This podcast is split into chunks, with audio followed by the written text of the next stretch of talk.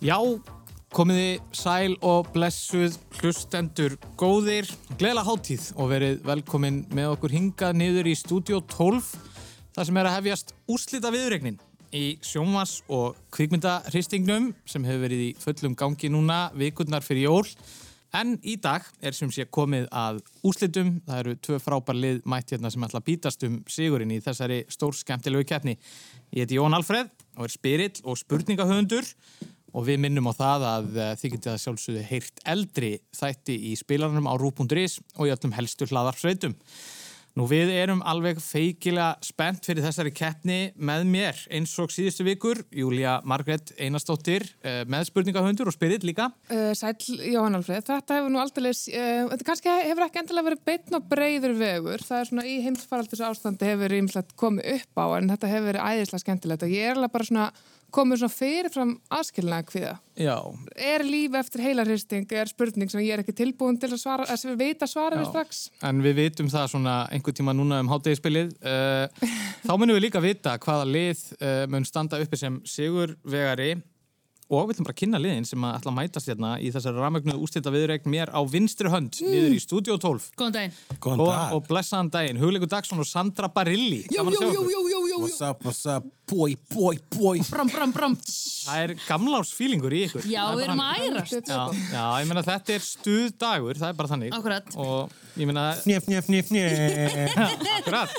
og Reverse. ég meina stór dag fyrir þig, hugleikur ég efast ekki um það að þessi útastáttur þarf að fá mjög góða hlustun en þú munt kannski fá meira áhorf jafnvel í kvöld þegar áramóta skaupið Já. verður sínt uh, Jú, það er mikil spenna í mínum kroppi e, yfir því og ég get ekki sagt ykkur, ég ætla ekki að spoila neitt, en þetta fjallar um árið 2021. Já, það, Ah, ekki segja eitthvað meira.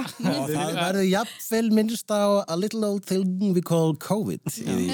ok. En ég segi ekki með, nú er ég búin að segja. Nei, það. já, Nú er ég búin að segja þannig að of við erum að mikið. ganga alltaf langt en við sáum ykkur síðast fyrir já, rúmlega tveimur vikum síðan uh, þá Já. sildu þið nokkuð örugla hérna í úrslitin, eru þið búin að hafa þetta á bakvið eirað síðan þá? Já, ég er búin að hugsa um þetta daglega, held ég. Já. Mm. Síðan að svo keppni átti sér stað. svo er ég líka bara að hlusta á þættina og mér finnst sko ef að einhverjur muni vinna okkur Já. þá er það þetta lið á mót okkur Já. Já, það er mjög sterkt lið Við erum hérna dálítið sem að hrædd við mætir ykkur. Nú, við ætlum aðeins að ræða um, uh, þetta verður ekki verið beinn og breiðu vegur, Júlia. Nei, svo sannlega ekki. Uh, við ætluðum, já, vel sér alltaf að segja frá því að við ætluðum að vera loft, í loftinu, annan í jólum, en það var ekkert að því vegna þess að Hafsteinn Sæmundsson, uh, bíóbladrari og einn af okkur eftirleitiskeppendum, einn af fjórum, uh, hann bara greindist með COVID, en hann situr hérna mér á hægri hönd ásamt Donnu Krús, eh, sem er hans liðsfélagi. Þau eru hérna bæði í personu, það leit út fyrir að það gæti ekki gerst, þannig að við erum ótrúlega ánað, hann er, já, heimtur úr heljum og segja, hvernig er tilfinningin Hafsteinn að vera svona uh, risin á ný? Ég er bara svo gladur, ég misti ekki af þessu. Já. Ég var svo spenntur. Emi. En núna ætlum við þessar með hugleikur söndur, þau eru búin að playa sér eitthvað, wow, góð, eitthvað, ef það er töpur fyrir einhverjum þá er það þau og eitthvað svona. það er bara þannig að það gerist sem gerist Við ætlum að spila það svo aggressíft. Já, já, já. Við erum búin að ákvæða það. Emi, Er það ekki tóna? Jú, jú, jú, jú. Síðast þegar við unum, þá horfði ég bara á halva bíómynd, en núna horfði ég á heila. Já, þannig að þú ert Þú horfði full æfð, bara þú ert bara búin að vera í því. Það hefur verið svona smá hefð hjá okkur að heyra leið liðana í úrslitin og við ætlum að setja þetta í loftið. Þetta er já, leið þeirra Hugleiks og Söndru og Donnu og Hafsteins í úrslita viðrögna hér í dag. Gjör svo vel.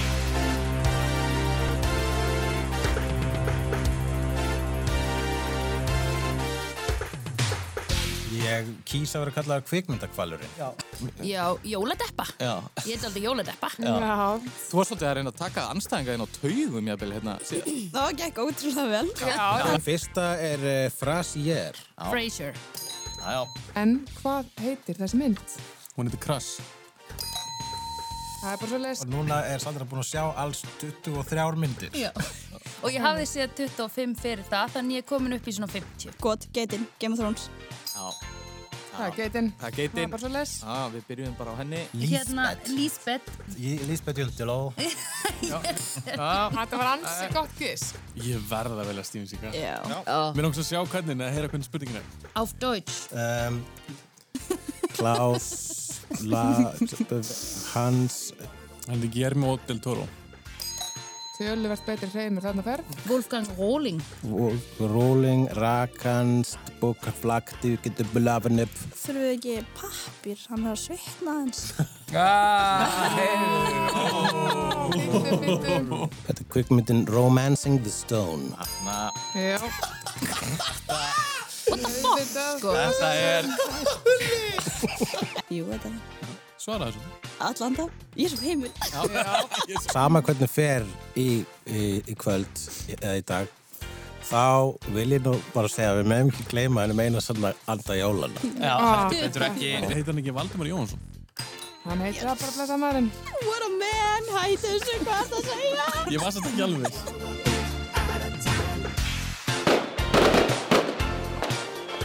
Já, hérna hefur við leið liðana í úslitin með svona smá áramóta ívafi og ljúfum eh, tónum frá prins. Mm Eru ekki bara gýruð eftir þetta eða? Mm. Jú, Afar Já. Ah, og ömur. ítt, ógila mikið Til í leikin. Herðu, Júlia, ef við ekki bara fara að byrja þetta. Ég held að það sé bara okkur sé ekkert að- að vambunæði.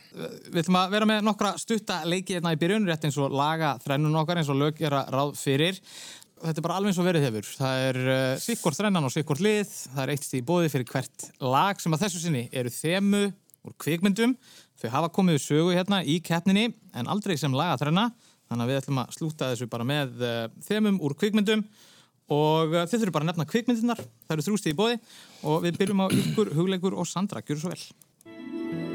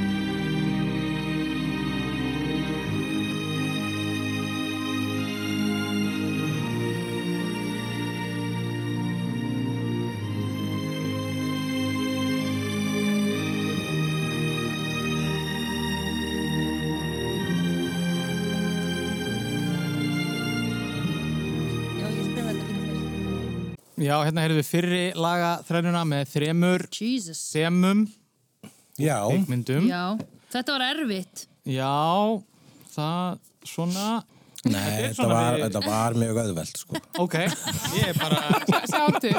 það, það, sko, það er bara með spurningakefnir að, að það sem einhverjum finnst öðvöld finnst öðrum erfitt og vice versa sko. Já, ef þú veist svarið þá finnst þetta auðvelt og veist það ekki þá finnst þetta erfitt Já, þannig virkar. Já, það er Þetta er- þetta er ótrúlegt. Bótt á mig, getur ekki lýst þessu betur. Þú ert búin að I couldn't kjarna have phrased it better myself. Herri, hvað segið þið með það? Eh. Uh, Fyrsta. númer eitt var Forrest Gump. Það er Yes. hárétt Númer tvö var Edward Scissorhands. Oh Já, my god Og númer þrjú var Dances with Wolves. það er ekkert annað Akkur vissir þetta? Hvað vissir það? Það, það, það, hún er við listanum. Já, Horfum á hana ok, eftir.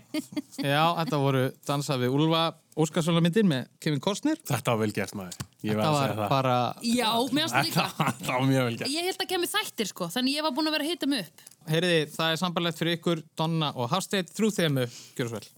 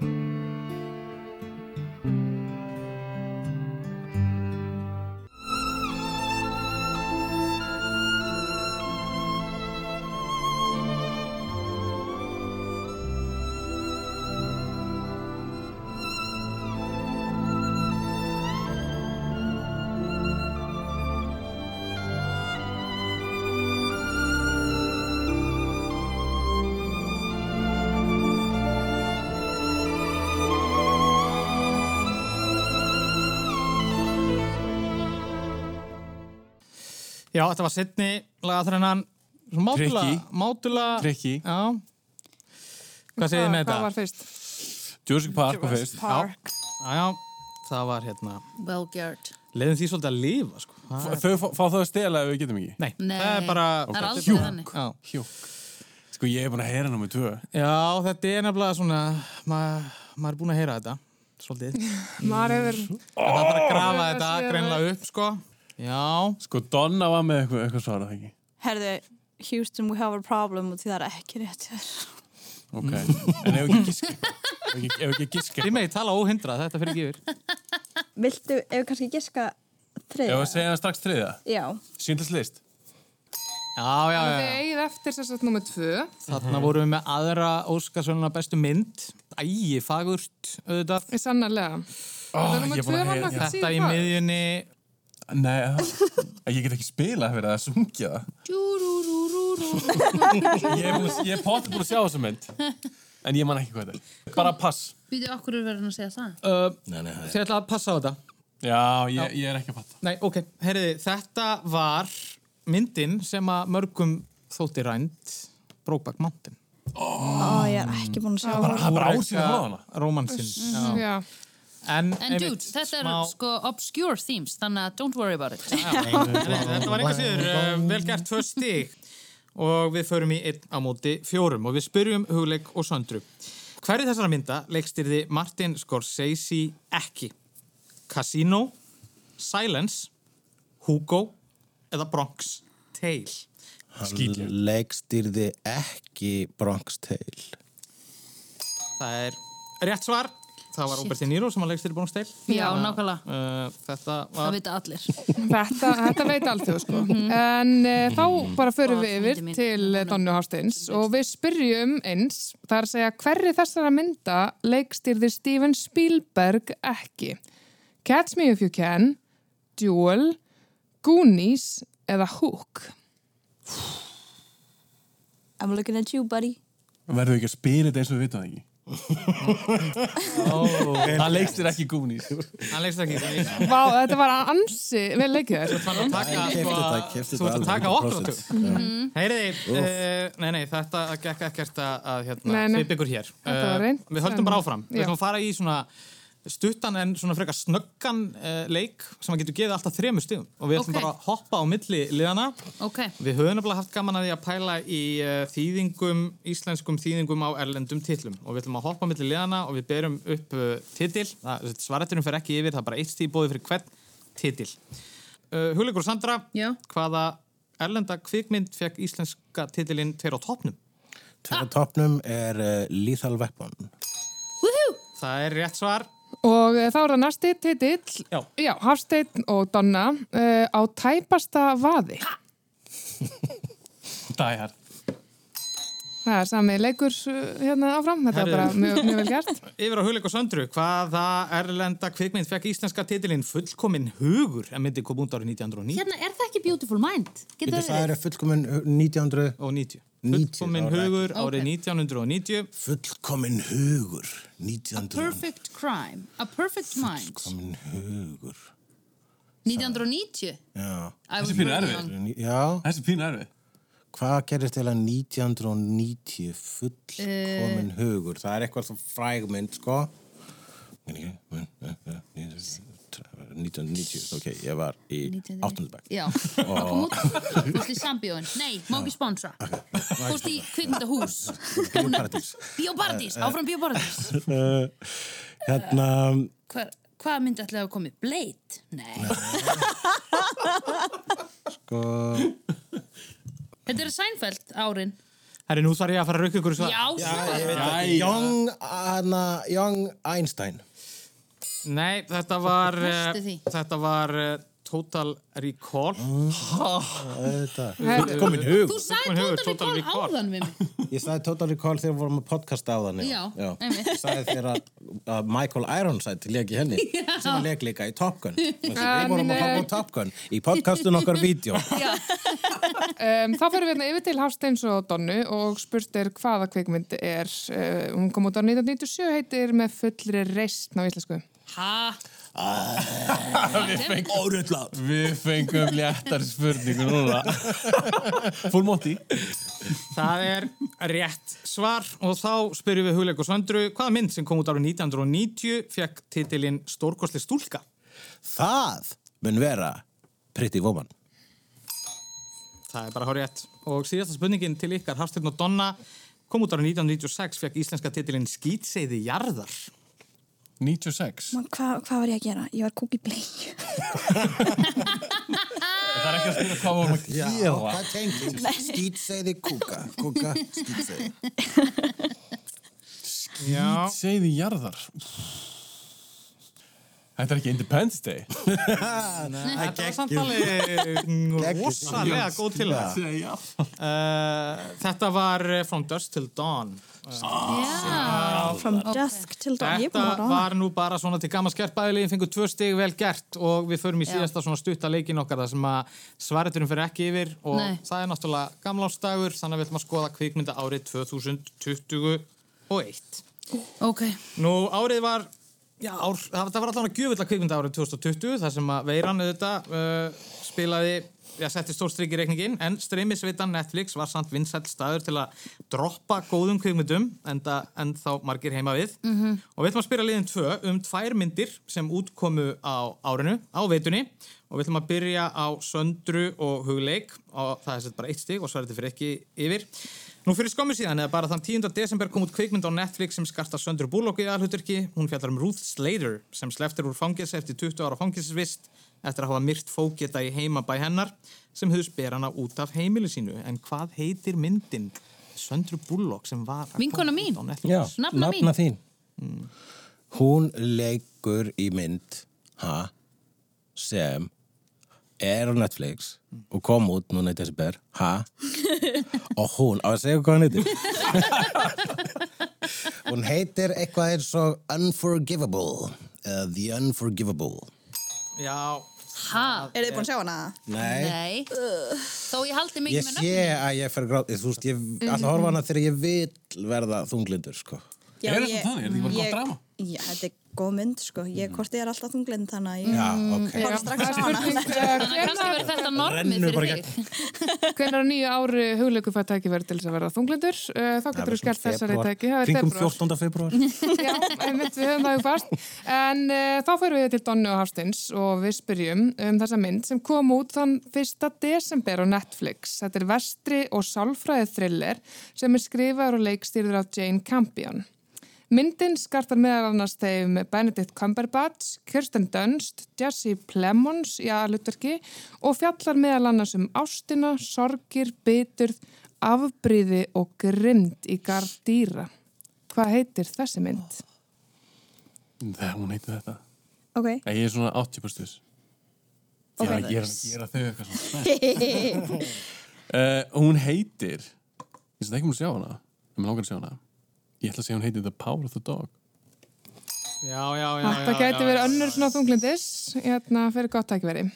Heyrði, þetta, þessir stuttu leikir gengu afbrás vel og uh, já, við ætlum bara að færa okkur í valflokka umferðinar staðan er 8 uh, stig gegn 7, hugleiki Wow. og söndru í vil, það er bara Shit. þessi laga þrenna sem að skilur liðin að Mhm. og uh, við ætlum að fara í fyrstu valflokka umferðina því með því snúið blæðinu sem stendur á 1 Mm. og kannski að gefa ykkur þemað á henni, það eru sjómanstættir það er að segja að við erum með þrjár valflokka umferðir með þremur mismöndi þemum þetta er sjómvars þátta valflokka þema umferðin og uh, já, Júlia, flokkadir Herri já, þetta er sér sagt auka personur í Simpson fjölskyldinni, sjónvastættir David E. Kelly, konur sem elska morðingja á skjánum og sjónvarp 2021. og já, það er náttúrulega Hugleikur og Sandra sem byrja að velja í þessari umferð Hvað listir á? Þú, hérna, ég er, I I don't know. Ef við þá að fara í ha, hm, Ha, Uh, hérna bara morðingjana ef við Já, farið það? kellingar sem elska morðingja. Já, Kellingar sem elskar killara Já, Þá byrjum við. Eh, Þetta er sérstaklega nýjunda seria spennu þáttana Dexter, nýtt blóð, hóf göngu sinna á dögunum eftir þó nokkur tlja. Það brá ansi mörgum aðdándum þáttan við brún þegar eh, handrit höfundur uh, þessara þátta ákveðu í því sem átti að vera síðasta serían að láta Deborah Morgan, sem er sýstir Dexters, verða skyndilega yfir sig ástfangna af bróður sínum. Til gamans má geta að leikonan sem leikur Debru var gift aðarleikara þáttarinn sem fór með hlutverk bróðurinnar. En hvað heitir þessi leikona? Hvað heitir leikonu sem leikur sýstir Mhm. Dexters? Hún heitir eitthvað Carpenter. Karpundir? Já, eitthvað svo leiðis. Þá er það bara... Mér finnst þess að hún heitir eitthvað Carpenter. Það verður ekki að vera fullt nafn? eða Hvernig Miss Carpenter. Sko, en þú veist, þetta er náttúrulega bara almennt bara sömu reglur og gilda í spurningakettnum eins og getur betur og fleiri að Þannig að þeir eru að velta fyrir Þannig hvort að þeir þið viti. þurfum að fá fullt nafn. Ég er ekki Já, svo viss hvort það heitir eitthvað Carpenter. Nei. Ég held að sé að fara að segja að ef þetta voru íslensk kona þá þurftu fullt nafn. Já. Ef þetta er En- erlend kona Já. þá það- er það eftirnafn sem Já, já, akkurat. Nú, Ok, þetta er, þetta er en, hún eh, Carpenter. þetta er hún Mrs. frú, frú Carpenter. sko ég bara þetta uh, þannig að svarið er Carpenter Já. Já, og það er rétt svar vegna þess að hún heitir Linda Carpenter og, uh, Það var létt. og hér höldum við okkur bara við sömu reglur og gilda almennt í spurningaleikjum hér í húsinu að uh, eftirnafn uh, dugar sem- En uh, það má kannski segja að þetta er gaman svo hún heitir Jennifer Carpenter. Ég veit ekki hvort að Right. það hefði komið, þú varst komin að það með góða nafnar. Já, akkurat. Hún leik líka í White Chicks. Hún leik líka í White Chicks, þannig að hún hefur komið víða við. Herði, þið fáið sambarlega spurningu. Donna og Hafstedt, Good Girls er svar, svartkomiskur spennuþáttur um þrjár útkværa mömmur í Michigan sem óvand flækast inn í vafasama staðsemi, fremja rán og falsa peninga. Tattoo veraði eitur svali glæbónin Kristoffer sem gefur þeim fyrirskipjanir heldur lífi þeirra í helgar greipum. Það stöðar þó ekki eina vinkunna í því að skreppa reglulega upp á hann, en það þykir að mikill sjarmur, þráttur í morðæðið og nokkuð þrúandi nærveru. En hvaða leikona sem gerði garðin frægan í matmenn þáttunum fer með hlutverk húsmóðurinnar sem sængar hjá morðingunum í Good Girls? Þetta er ekkert hvað þetta er þurru. Ég hef En mér þetta séð tvær, í hug- tvær konur í hug sem hafa leikið í Mad Men. Ég veit ekki hvað það er. Já, nei, nei, mér þetta þrjár í hug. Hversu stórt hlutu hvað hann í Mad Men? Bíddu, stopp. Ef ég gerði kem- ef ég kem- ef ég kem alla konunar, fæ ég stifið það. Já, sko, Já, um leið og en hrapar réttu. Það er allan að nóg að koma eftir hana, það er nokkuð ljóst. Já. Já, en það er þrjú sem komið til greina. Ég ætla að giska á Elizabeth Moss. Hún er samanlega sjóheit Bo the Red Já, Bombshell. ég veit að það er hún, sko. Ég veit að það er svo sem að var líka hérna í, í, í Drive. En ég man ekki hvað... Hún, heitir hérna... Christina Hutcherson? Heitir hún Christina Hutcherson? Nei, Ah, ekki þetta var góð samt dag. ekki svo langt frá því, en þarna varstu með rétt fyrra nafn, en það dugar ekki. Jú! Þetta var nefnilega hún Kristína Hendricks. Akkurat, sýstir Jimmy. Heyriði, enga síður, enga síður smá, uh, smá sveifla hérna. Uh, það er komið að Donni og Hafstein að velja. Uh, hvað líst ykkur á að því sem eftir stendur? Við erum með David E. Kelly, við erum með auka personur í Simpson og við erum með sjónvar 2021. Sjónar 2001. Ok, bara, Júlia, vilt þú taka þessa? Já, eh, í byrjun árs 2018 má segja að leikaranum, leikstjórnum og grínistanum Aziz Ansari hafi verið tímabundi slaufað. Hann dró sig í hlje eftir umdelta afsökunarbeini en sneri aftur rúmu ári síðar með nýtt uppistand. Hann hafði áður slegið í gegn með þáttum að borði Parks and Recreation og síðar sendt frá sér tvær þáttaræðir af vinsælum þáttum sem hann leik aðalhutverki í og skapaði ásamt félaga sínum Alan Young. Árið 2021 var þriðja seria þáttana frumsýnd en í þessari þáttaröð er hann ekki lengur með aðarhlutverkið heldur byrtist hann sem lúserinn í bakgrunni í ástarsögu tveggja kvenna. Hvað heitir þessi þriðja þáttaröð? Donna, komdu með eitthvað núna. Eitthvað, Ég var að klúðra þarna aðan. ég veit ekki okkur ég er að hugsa um einhverjum Netflix þátt. Ég, þetta er á En ég- Netflix. Að það? Ég held það. Ég er sem búin að sjá fyrst þáttinn. Herðu, hvernig þetta- ertu þetta- pakinu? þetta You're er- carrying us, sko.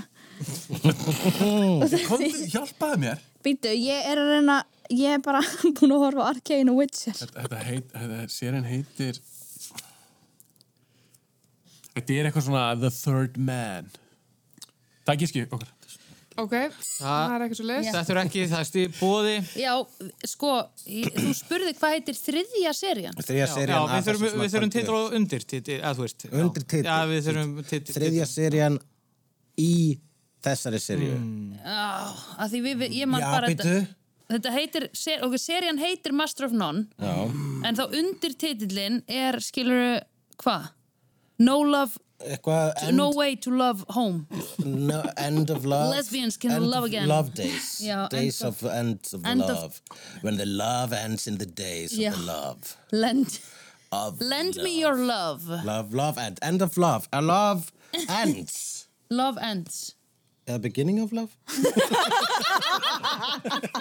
Ah, Það er alltaf master of none. Það er eitthvað sárt. Það er Ég er búin eitthvað að horfa á miss. þetta Sko, sko ég verð að stoppa ykkur að þið eruð samt alveg, sko, þið eruð alveg nálægt þessu. Þetta er Master of None Moments in Love. Moment. Moments in love Já, já, Master of None, Moments in Love, þetta kom ekki, þið fáið samt sambarilega spurningu. Hugleikur og Sandra, í februar á þessu ári var fyrir um sitt nýbresk og dramatísk smáserja eftir Russell T. Davis. Þar segir frá lífi í vinahóp samkynherra manna í London á nýjunda áratugnum og skelvilegum áhrifum sem HVV-faraldurinn hafði á samfélag þeirra. En hvað heita þessir marg rómuðu þættir? Þeir heita, sko, ég getur ruggla eitthvað annað Russell T. Davies dæmi en... Er þetta gæðin sem gerir Dr. Who? Já, hann gerði dóttir fyrir tímabilið. Vá, er þið? Very cool. Já, hann var sjórunur í smá Ég tíma finnst þess að þeir hafi heitið eftir Pet Shop lagi, Pet Shop Boys. Uh, it's a sin. Yes! Vel gert! Sko, ég það perlar á svitin og enninu mínu hérna, sko, af aðdáun að hérna vitir þetta kjartaði. Já, það held ég nú. Við höldum áfram þegar með snúið blæðinu sitt endur á tveir og Ok. við erum komin í valflokka umferðina um kvikmyndir. Þetta er sem sé kvikmynda valflokka umferðin og nú eru það Vinur þinn. Hafsteinn og Donna sem eiga að velja fyrst. Það eru eftirfærandi flokkar. Leikarar með fleiri en einn Óskar fyrir besta leiki eða hlutverki. Enn betri framhaldsmyndir, Werner Herzog eða lög úr síkildum Hollywood myndum. Enn betri framhaldsmyndir. Við tökum það. Let's go. Mm-hmm. Já, herru, hún hljómar svona Sumar myndir slá í gegn, það er nú bara þannig og þá er gjarnan hlaðið í framhald Framhaldið miðsefnast oftar en ekki en stundum er það á hinn veginn Framhaldsmyndin þykir alveg ljómandi góð og jafnvel betri en fyrirrennarinn Nú frægt dæmi um þetta eru þetta Empire Strikes Back í Star Wars-seríunni og Terminator 2 En við spyrjum, fyrsta Star Trek myndin kom út árið 1979 og var ágætlega tekið. Framhaldið kom hins vegar út þreymar ára setna og þótti enn betri. En hver var undirtitillin á þeirri Star Trek mynd? Tjú. Hvað hétt fyrsta myndin? Fyrsta hitt bara Staðfest. Star Trek The Motion Picture. Það er ekki rétt sem er huligur. Það er rétt. Fyrsta. Númer tvö. The Wrath of Khan. A Khan. The Wrath of Khan. Vá! Þannig kom það, tvö stygg. Jesus Christ. Aukast þið fyrir framburð? Mm. Aukast í fyrir Já, ég var náttúrulega að segja það. of King. Þetta var mjög gott. Well, well, well. var smá- If this can. Þetta var smá umdild, það var smá umdild staðhæng And þarna Wrath. að Empire Strikes Back þykir bet- betri en Star Wars. En hún er það samt yfirleitt, sko. Hún er, Já, hún er reituð og það. svona. Hún er betri. Já. Já, ok, þá Ekki, bara... ég er ekki búin að sjá hana. Jú, jú, jú, jú ég þú er ert búin að sjá hana. Ég ætla að segja ekki um ég spoilar. Við erum búin að horfa á þær báðar. Við erum Þessar búin- tvær já. sem uh, um er Númer spurt. 1 og 2. Við að tala. En uh, þá komu ykkur, Sandra og Hulikur og um, við Mhm. Veljum. spyrjum Myndirnar um Harry Potter urðu átta talsins. Right. Fyrstu tvær í leikstönd Chris Columbus skora hins vera ekkert sérstaklega hátt á listanum yfir þær bestu. Það er Harry Potter and the Sorcerer's Stone og Chamber of Secrets. Mhm. Í þriðju myndinni sem kom út árið 2004 tók Alfonso Cuarón við leikstjórnartaumunum og svo mynd þótti taka fyrstu tveimur vel fram. Hver var undirtitill hennar? Það var, uh, ha, sko, Philosopher's Stone. Númer þrjú er hérna, hvað gerist aftur? Var það Hann er þarna í henni, hann uh, Gary Oldman og það er þarna logandi hreindýrið. Nei, Lóðandi reyndir ekki miklu setna, dude. Það er hans, hérna, Guiding Light. Já. Fimm er Chariots of Fire, að því ég las hana, ég man Goblet. það. Já. Já. Hvað er það fjögur? Uh, fjögur er hérna leikarnir, þar sem hann deyr, Það er þarna Goblet of Fire. Robert Pattinson. Þú vinnur hérna þið að Goblet gleyma of Fire í hérna... Já, Þau eru að- þau eru að Verðinum leika núna, gripurinn, sko. The Goblet of Þau Fire. veitir þetta. Já, Þau eru að leika núna. já, akkurat. það er svo rugglið þessu. Nei, þi- Og þeir eru hérna... ekki með einhverju. Segjum Prisoner of Azkaban, það kom, hún er definitely nummið þrjú. Er það ekki bara hún? Jú, definitely nummið Já, þrjú. segð það bara. Yes. Já, Ég segi var það sko bara. vatna feist Það var skautar hérna bara yfir allar Harry Potter myndirnar og hérna logandi hreindir kemur við sögu en þetta var sannlega rétt, það var kom Harry seint. Potter and the Prisoner of Azkaban Og það er komið að hugleiki og söndru að velja úr kvikmyndafloknum það sem Já. ætti stendur. Leikara með fleiri en Óskar fyrir besta leikið aðhaldurki, en betri framhansmyndir eða Werner Herzog. Vinur þinn. Ef við taka Werner Herzog Já. Já. Þíski leikstjórin Werner Herzog er ekki eins og þeir flestir. Hann hefur óvíða komið við, gert skemmtilega að leikna myndir úr ýmsum áttum. Eina þeirra gerði hann í Peru árið 1982 en sagði hann segi frá sjúkum ævendramanni sem Klaus Kinski leikur en hann á sér þann draum að reysa óperhús í Amazon frumskóinum. Tökur myndarinnar tóku vel á en það er frumskórin Harður Húsbóndi. taking a close look at, at what's around us, there, there is some sort of a harmony. It is the harmony of overwhelming and collective murder. aftur á myndinni sem umræðir um Klaus Kinski sem vil reysa óperuhús og flytur heilt skip yfir fjallslíð en hvað heitir myndin? Uh, Myndin mun heita Fitzcarraldo Já, Uh, Fitzcarraldo Við eh, bara Hann er alltaf að herma eftir honum. Já, er, við fáum kannski þetta smá leikþátt bara á Já. eftir um, What is the Í, title of í my auðlýsingarlinu ætla ég að gera mína fræðu Werner Herzog Impression Þetta er sannlega spennandi um, Werner Herzog eða Werner Herzog eins og hérna hugleikum myndi segja Life is chaos and murder eins og sagt er, hann er einn áhrifamesti heimilda kvikmyndagerðamaður sögunar. Listin um hans er ansi langur og góður. Uh, ég spyr ykkur Hafsteinn og Donna, nú hefur hann fjallað um allt á milli heimils og jarðar, svo að segja. Og árið 2005 sendi hann frá sér heimildamynd um dýravinin Timothy Treadwell sem eitti 13 sumrum með grábjörnum eða grizzly bears í óbyðum Alaska.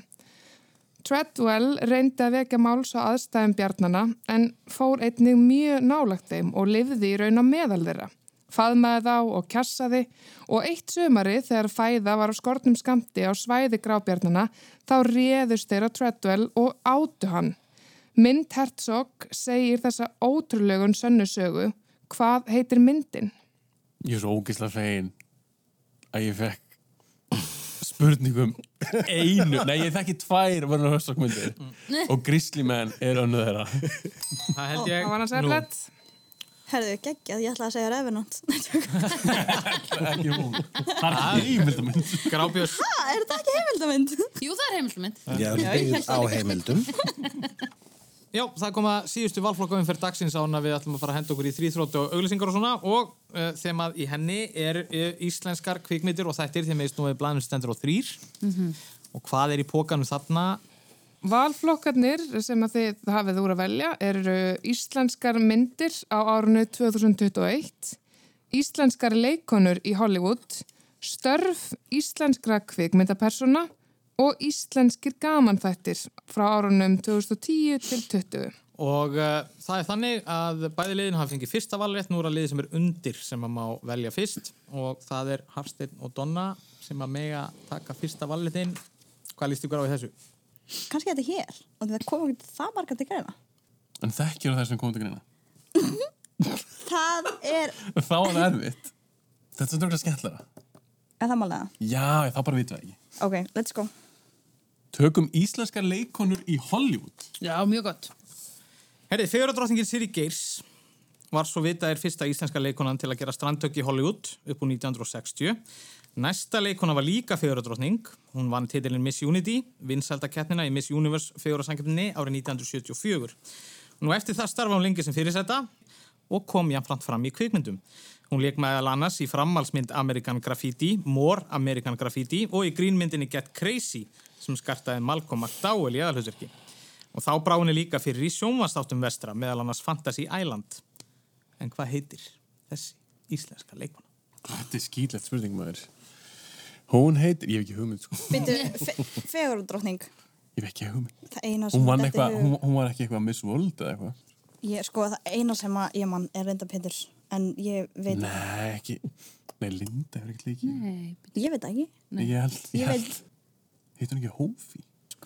En Hófi, er það gilt svar? Uh, Hólmfríður. Uh, Hólfríður Karlsdóttir uh, Það er gott gísk en ekki rétt. Uh, Ég held ég var með það er stig í bóði hér fyrir Hugleik og Söndru ef að... Ég er ekki með þetta á reynu höldur sko Nei. En þú ert hérna Ég er að held hugsa um sé ekki það sko. sem- konuna sem að var einu svona konans Jakobs Frímans sem að leki með Já. Eh, alltaf hreinu sem segir hérna skvísur hver má ég fá að tala við hérna, hvað heitir hún? segir það. Ná, ég- hérna... Ég ætla að gíska að hún heiti Kristín Björs Já, rétt Nei, Það segir það alveg. Það var uh, Anna Björns. Anna Björs, ég er að hugsa um hana Ég eða vissi það var Björs Þetta var... ekki Er ég ekki að hugsa um hana? Var það rétt? hjá mér? já, já. Já. Þú ert að hugsa um rétta konu, sko. Og var hún ekki með Jakobi Frímanni? Jú, jú. Jú, Já, já, já. fokkin helmar En við spyrjum á móti, um, Hugleikur og Sandra. uh, Marja Ellingsen er önnur íslensk leikona sem starfað hefur í Hollywood. Eins og frækt er fekk hún eitt aðarhlautverkana í kveikmyndinu Mighty Ducks 2 en frá árunni 1991 til 1992 leik Marja Ellingsen í sápuóperi nokkuri sem fjallar um hennar auðugu Capwell fjölskyldu og sæði frá ævintýrum hennar og keppinautu hennar í Lockridge fjölskyldinni. Warren, I tried to tell you. That's why I called you to Angelus. And you said, No, no, no, never mind. I'm sorry. When did this come in? I don't know, it was on the machine when I came in this morning. Þetta var náttúrulega gullfallegt. Um, Sápuóparan var framleitt af NBC í sjómanstöðinni á árunum 1984 til 1993. En aðtikli vakti að nýtt verk Ragnars Kjartanssonar listamanns sem opna var í samtíma listasafnunni í Moskvu á dögunum var byggt á henni. Hvað heitir hún?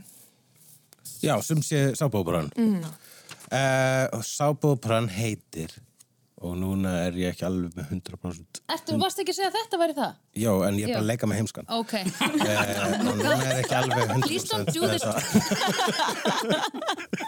Ég er ekki alveg 100% í alvöru, en það sem ég skrifaði hérna er Santa Barbara já, Já, þetta var auðvitað skotið bara út í loftið. Uh, maður átti að starfa því. Herri, það er síðasti valflokkurinn í valflokka umfyrunum.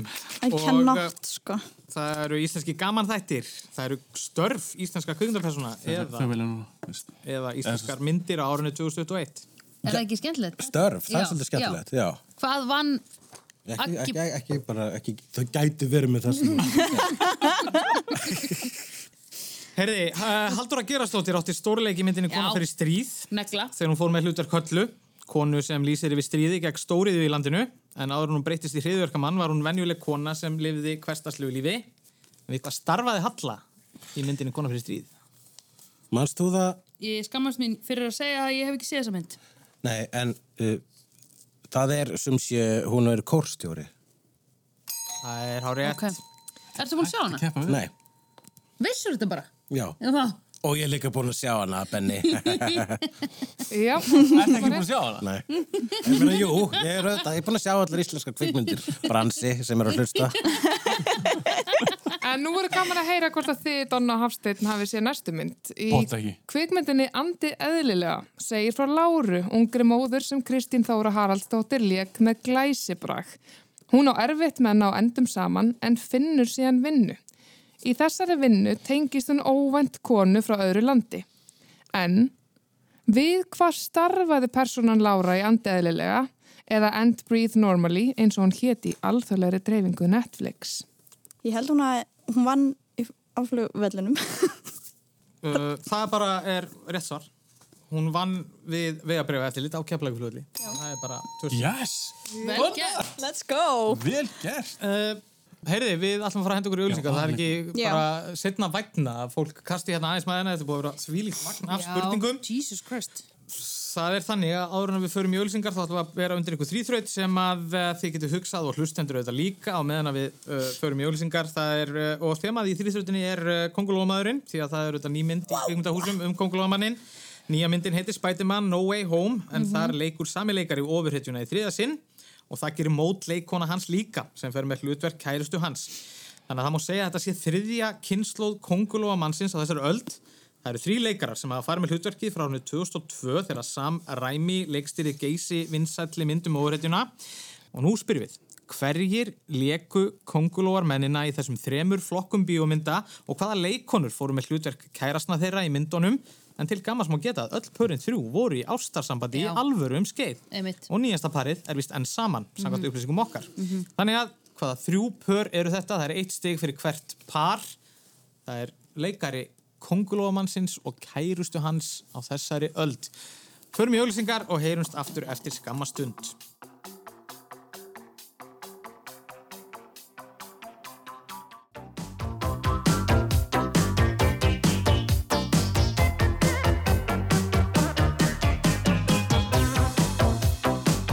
Já, komið þið sæl aftur. Hlustendur góðar. Yes.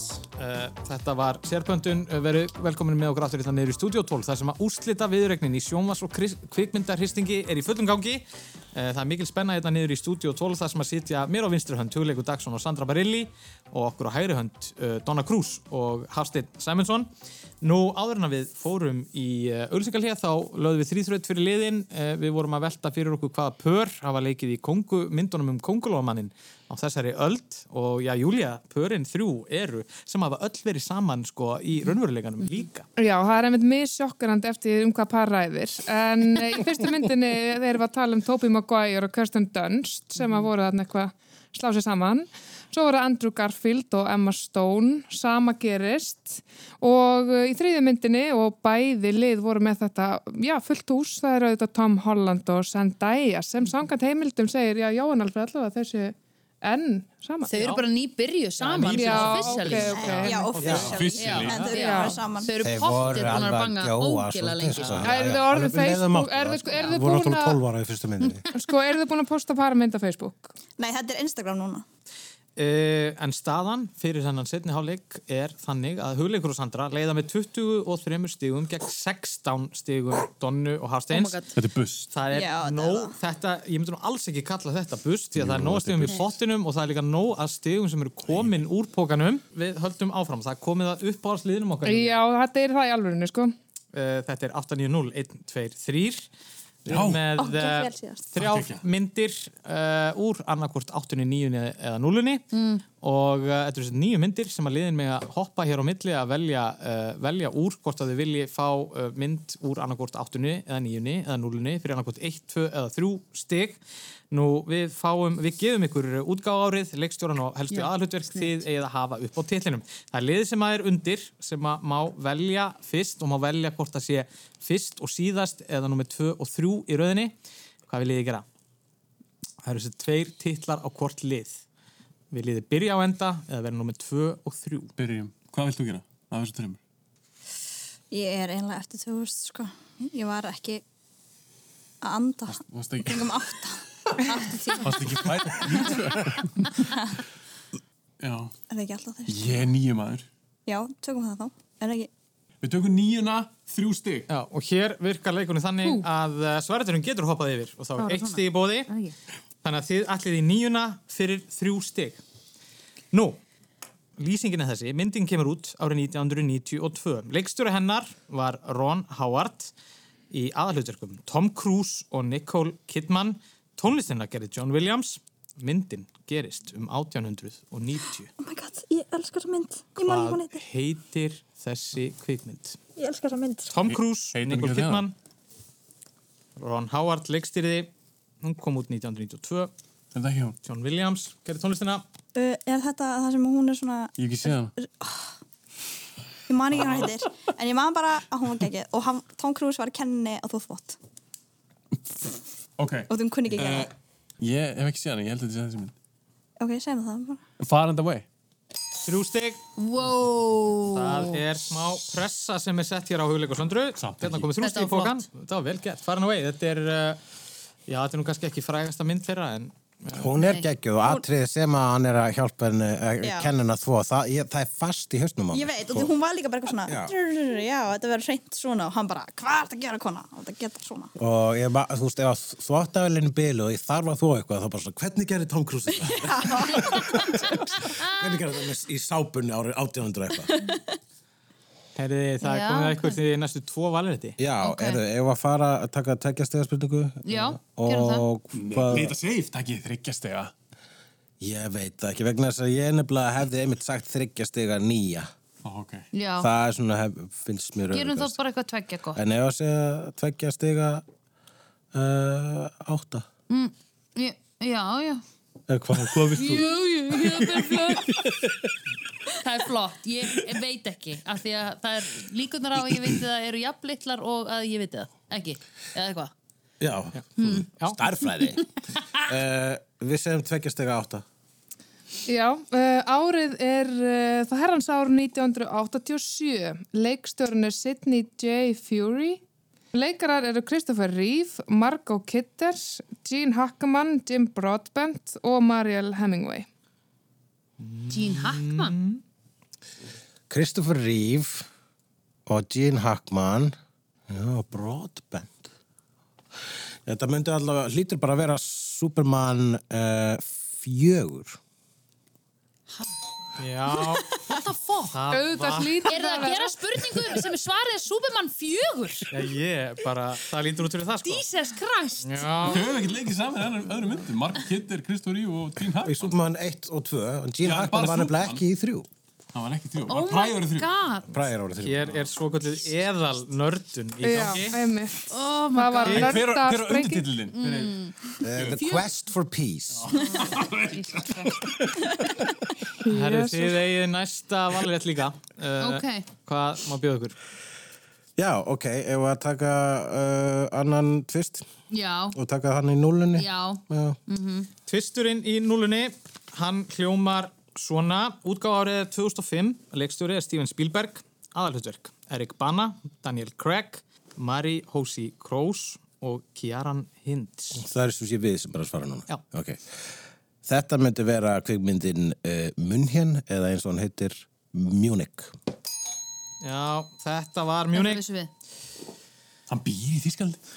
Já, Já, biased much? þetta, hann býr undir ekki bæjarlag. Einsnar frá Munchen Það var að síðasti liðurinn í þessu. Hvað viljið þið taka? Við tökum alltaf að þristin, það er Já. alltaf alveg á tæru. 2000 Núl, þá. já, núl, núllan, Já. þristur. Já, þá erum við komin til ársins 2003. Leikstjóri er Mike Newell. Með eh, leikinn fara Julia Roberts, Kirsten Dunst, Julia Stiles og Maggie Gyllenhaal. Ég veit hvað leikur hún er. Ég líka. Ég, er- ég, Ég ég, þekki ég er þær. ekki búin að sjá þessu mynd. Er þetta ekki þessi hérna? Eitthvað, var ekki einhver mynd sem hérna þetta? 2003? Er hún ekki 2003? Nei, hún er svona 2010 pluss.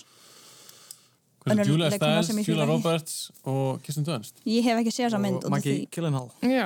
Ég fíla ekki Kirsten Dunst, Julia Stiles og Maggie Gyllenhaal. Gyllenhaal. Ha, hefur ekki sér Bring It On? hann hætti hætt Jú, nefnilega ok. kvikmyndir Er þetta alltaf þessi bring? Nei, þetta er ekki bring. Dot. Hún er frá Mm. 2001. Gæti verið Little Women.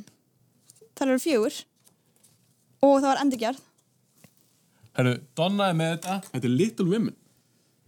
Ó, okay. Já, gott gisk, en það er ekki rétt. Stig í bóði. ok, hvað sér, 2003 þá ætla ég að giska á þessu kvikmyndin Mona Lisa Smile Ah, vel gert. Já, Þetta var þarna... vel gert. Jesus Christ, ég hef ekki hugsað með þessu mynd síðan og sá hann ekki Nei, hún er ansi góð sko. Já, já, já, já, já, já, þetta er alveg magnað. Við ætlum að fara í smá hljóðleik árum við endum á hristingnum okkar. Við höfum svona í, í gegnum þessa keppnir verið að hlýða eins á eh, raddir leikara eða leikkvenna og svona verið að hlýða liðunum yfir hvaða, hvaða leikur, leikara eða leikunur eru á ferðinni og við ætlum bara að gera það núna. Það eru fimm, það eru fimm stíð í bóði, það eru fimm leikarar eða leikunur. Þannig að við ætlum bara að setja þetta í gang, þið bara skrifið niður og látið okkur fá blöðin síðan, gjöru svo vel. movie stars get to a situation and they get a script sent, and I got a script sent, and I send it, read the part, and I send it back to the producer saying the part's too small. And he sent it back to me and he said, You weren't supposed to read the lover, you were supposed to read the father. I was a dancer. Well, I wasn't technically a great dancer. I was I was just a really good I was a good actor. That was it. Ah. I was the worst at audition. This character is maybe in some ways even scarier and darker. Uh, the the goblin character really believes in uh, a world of uh, losers and winners. Oh, you can kill us all. But you'll never spend a cent of that bounty money. And you'll never leave this mountain alive. Because when that snow melts, the rest of Jody's gang, all 15 of them that were waiting in Red Rock, are coming here. If our Lord wasn't testing us, how would you account for the proliferation these days of this obscene rock and roll music with its gospel of easy sexuality and relaxed morality? If our Lord wasn't testing us, why, he could take all these pornographic books and albums and turn them into one big fiery cinder like that! Já, þarna heyrðum við uh, rattir fimm uh, já, leikara eða leikvana og uh, við erum komið tillögur frá báðum liðum við skulum fara yfir það hvaða leikarar eða leikkonur þetta voru í réttri röð, fyrst heyrðum við í Michael Caine þarna var hann bara í viðtali nú uh, hún Charlize Theron var líka í viðtali þarna nú svo heyrðum við hann Willem Dafoe Mm. uh, líka í viðtali að fjalla um sitt nýjasta hlutverk og uh, nú svo heyrðum við brot úr kvikmynd þetta var úr Hateful Eight þetta var hún Jennifer Jason Leigh sem fór auðvitað á kostum í þeirri mynd og í lokin fórum við aftur til nýjunda áratugarins þetta var uppáðsatriði Footloose þetta var hann John Lithgow sem að Ok. flytur hérna eldræðu í byrjun myndarinnar Nú, uh, þetta fór þannig að Hugleikur og Sandra vorum við fullt úr stiga þessum lið. Takk fyrir tókar uh, Donna vissi ég. og Hafsteinn með eh, þrjú stig sem að er bara myndi teljast verulega vel gert Mhm. Já, ég myndi segja líka bara að bara hafa vitað að Willem Dafoe hefði verið óksla flott. Já, en Það var erfiðast. Ég held sko að Guð sé búin að hlusta á þættunar og því hann ákvaða auðmikið mig í dag. Varstu Þú eiga við tjáðið þessa þeirra? auðmýkingu skilið. Já, og þetta myndi mig á, er þetta ekki þegar hún var að leika hennar áðmörðingjan? Já, monster Já, var það Sellis Theron sem að, já, einmitt Akkurat, þetta er bara stundum svona Þetta var vel gert, það er komið að eh, síðasta liðnum okkar í dag og það er hristingurinn Nú, það er nokkuð ljóst að Hafsteinn og Donna þið, þið eru bara að sækja og treysta á Guð og lukkuna það er hún svolítið munur Eru ekki búin að tapa? Nei, þið eru ekki búin að tapa en sko, hugleikur og Sandra eru komin niður í 30 stygg 33 stygg gegn 22 Shit. Það er alveg ótrúlega mikið að stigum Það er komið mest hérna þegar á töfluna því með snúaði blæðinu sem stendur á fjórir sem að er, eru Ok. flokkarnir í hristingnum og Júlia, Já. þér eru þeir Uh, þetta er sér sagt uh, Pixar, 90s hasarmyndir, hver er sjónvarsþátturinn og framlög Íslands í forvali Óskarsvelunana. uh, Já, þið eru undir þannig að þið meði velja fyrst Allan daginn 90s hasamyndir Ef ég klikka þessu Já. þá lappa ég út sko. Já. Já. Það En er þeirra þáttunum Þegar þátturinn er búinn. Þáttunum búin 90s hasamyndir og maður fara velja stig, eða ekki? Jú. Þrjú stig Ok, mér er stil á það Við ætlum að fara aðeins til Belgíu Því að belgiska vöðabúntið Jean-Claude Van Damme Hann Mm. var á hátindinum um miðjan tíundar og tíðin þegar hann leik í hverri hasamyndinni á fætur annari Nú þarna má nefna myndir eins og Universal Soldier, Hard Target, Street Fighter og Maximum Risk hétu nokkra myndir til dæmis en árið 1996 leikstýrði Van Damme kvikmynd sem gerist árið 1925 í dulafullri tindri borg djúft í óbyðum Tíbet. Þar koma saman bardagalistamenn frá öllum heimshornum og berjast um verðlunagripin gulldrekan, stittu úr skýra gulli. Gamli James Bond-leikarinn Roger Moore leikur í myndinni og það gera einnig ymsir bardagakappar. En hvað hétt þessi mynd? Ég fekk smá panik fyrst ég bara Hvað mynd? Þetta er The Quest The Quest Það þarf enginn að lappa út allavega í byli. Þetta var djúbstunga úr Ég fílaði þá mynd, allavega þeirra ég sá hana. sko. Mér var skemmt. Já. Já, ég, nú eru ekki margir hlustendur algjörlega forviða uh, en uh, þetta var myndin The Quest, vel gert, þrjú stig þannig að það er, það er búið að saksa svolítið á ykkur hérna Það er alltaf læg. 33-25, hvað vil ég gera? Já, hörru, ok. Já, ég mérst hasamöndur, ég hef taka tvistin í hasamöndunum. Já, já. Borgin og...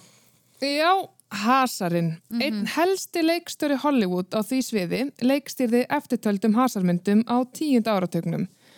The Hunt for Red October, Last Action Hero, Die Hard with a Vengeance og 13th Warrior. Hver er maðurinn? Er rétt hjá mér? Nei, Nei.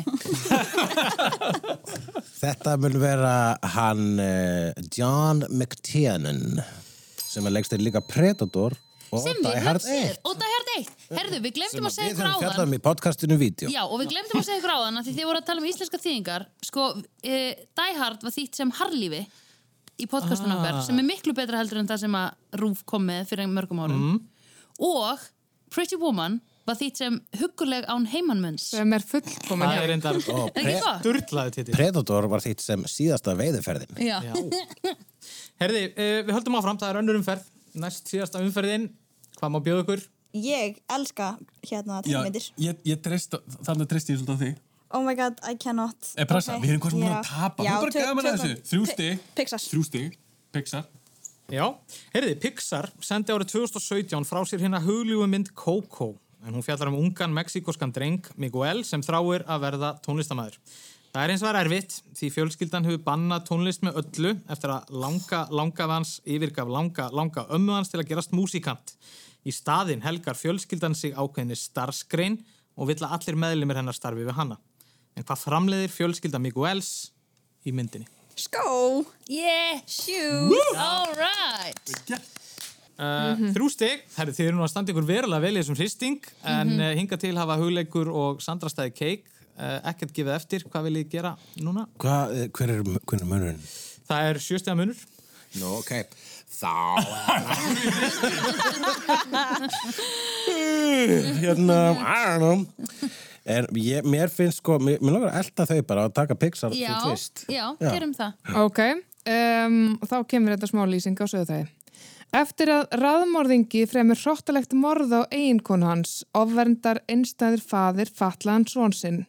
Eftir skelvelega atbyrðarás er sininum rænt og faðir hans leitar á reisastóru svæði með aðstóð andlega veikrar konu.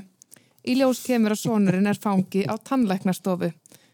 Jú, þarna erum við að lýsa sögutræðinum í Finding Nemo, mynd Pixar frá árinu 2003. Hún var auðvitað mjög vinsæl og því kom út framhaldsmynd en ekki fyrir árið 2016. Í þetta skiptið fjallar sagan um fisk sem hefur lélegt minni og ákveður að hefja leit að fjölskyldu sinni eftir að minningar og æsku taka að rifjast upp fyrir henni. Mm. Hvað heitir þessi mynd? Hér er uh, sem sagt, fókustum snúið að andlegu veiku konunni úr fyrirmyndinni Já og hún er týnd og hún heitir Dory og þess vegna heitir myndin Finding Dory. Það er bara svo les. uh, Þér er bara öllu svarað og hérna, ég veit ekki akkur við erum aðeins við Júlia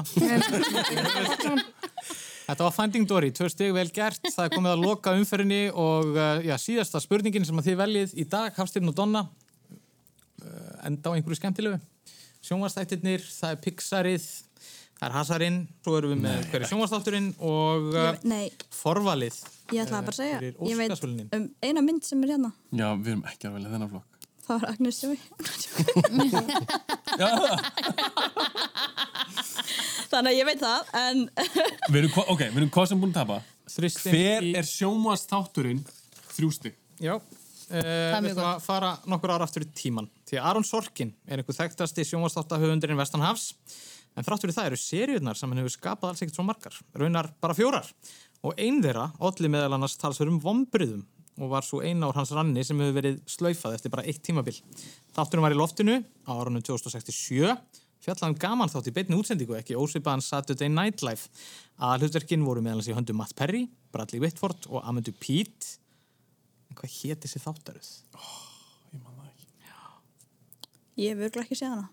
Ég, ég, sérst, ég hef heyrt um þess þetta en ég hef ekki séð þá, ég man eitthvað að heita. Já, þetta er þrýstur sko En þannig að Þetta er eitthvað svona... Ég man, ég man það ekki. Ég verð að segja pass.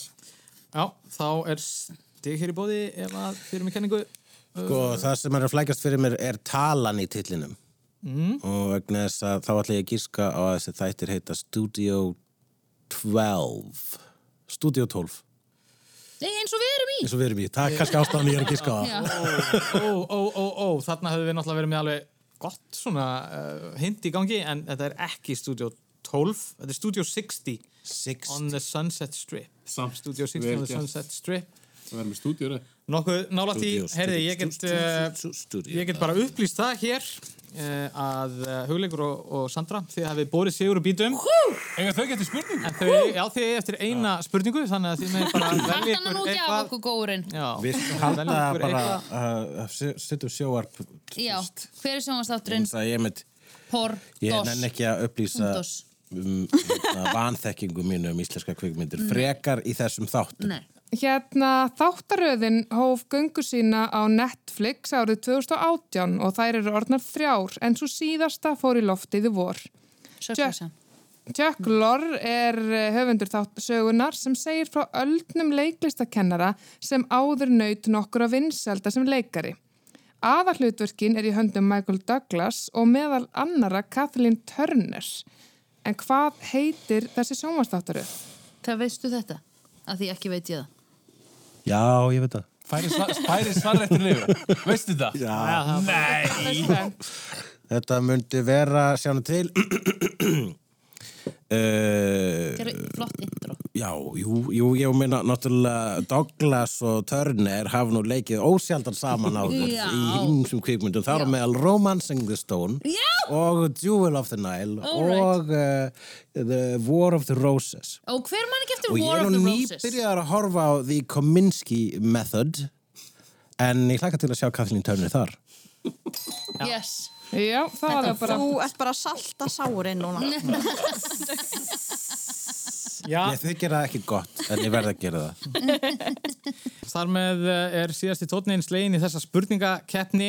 Maður er svona hálf uppgefin, Júlia. Já, Bara ég get þannig. alveg sagt það, ég er orðin mjög, ég er svona komin stífar axlir, ég var orðin svo spennt hérna, um, en eh, já, svona fór þetta. ofbóðslega mörgum spurningum svarað, uh, bara örfáum sem var ekki svarað, loka tölur, Hugleikur Dagsson og Sandra Barilli, Sandra Barilli hafa eh, sigrað með 39 stigum Oh my god! gegn 29 stigum eh, Hafsteins Sæminssonar og Donu Krús og eh, já, þannig að ég bara óska ykkur til hamingi með sigurinn. Takk Hugleikur maður. Sandra. Þakka ykkur. Vel gert. Já, hamingju. þakka ykkur. Það er mjög hamingi, Drengilega keppni.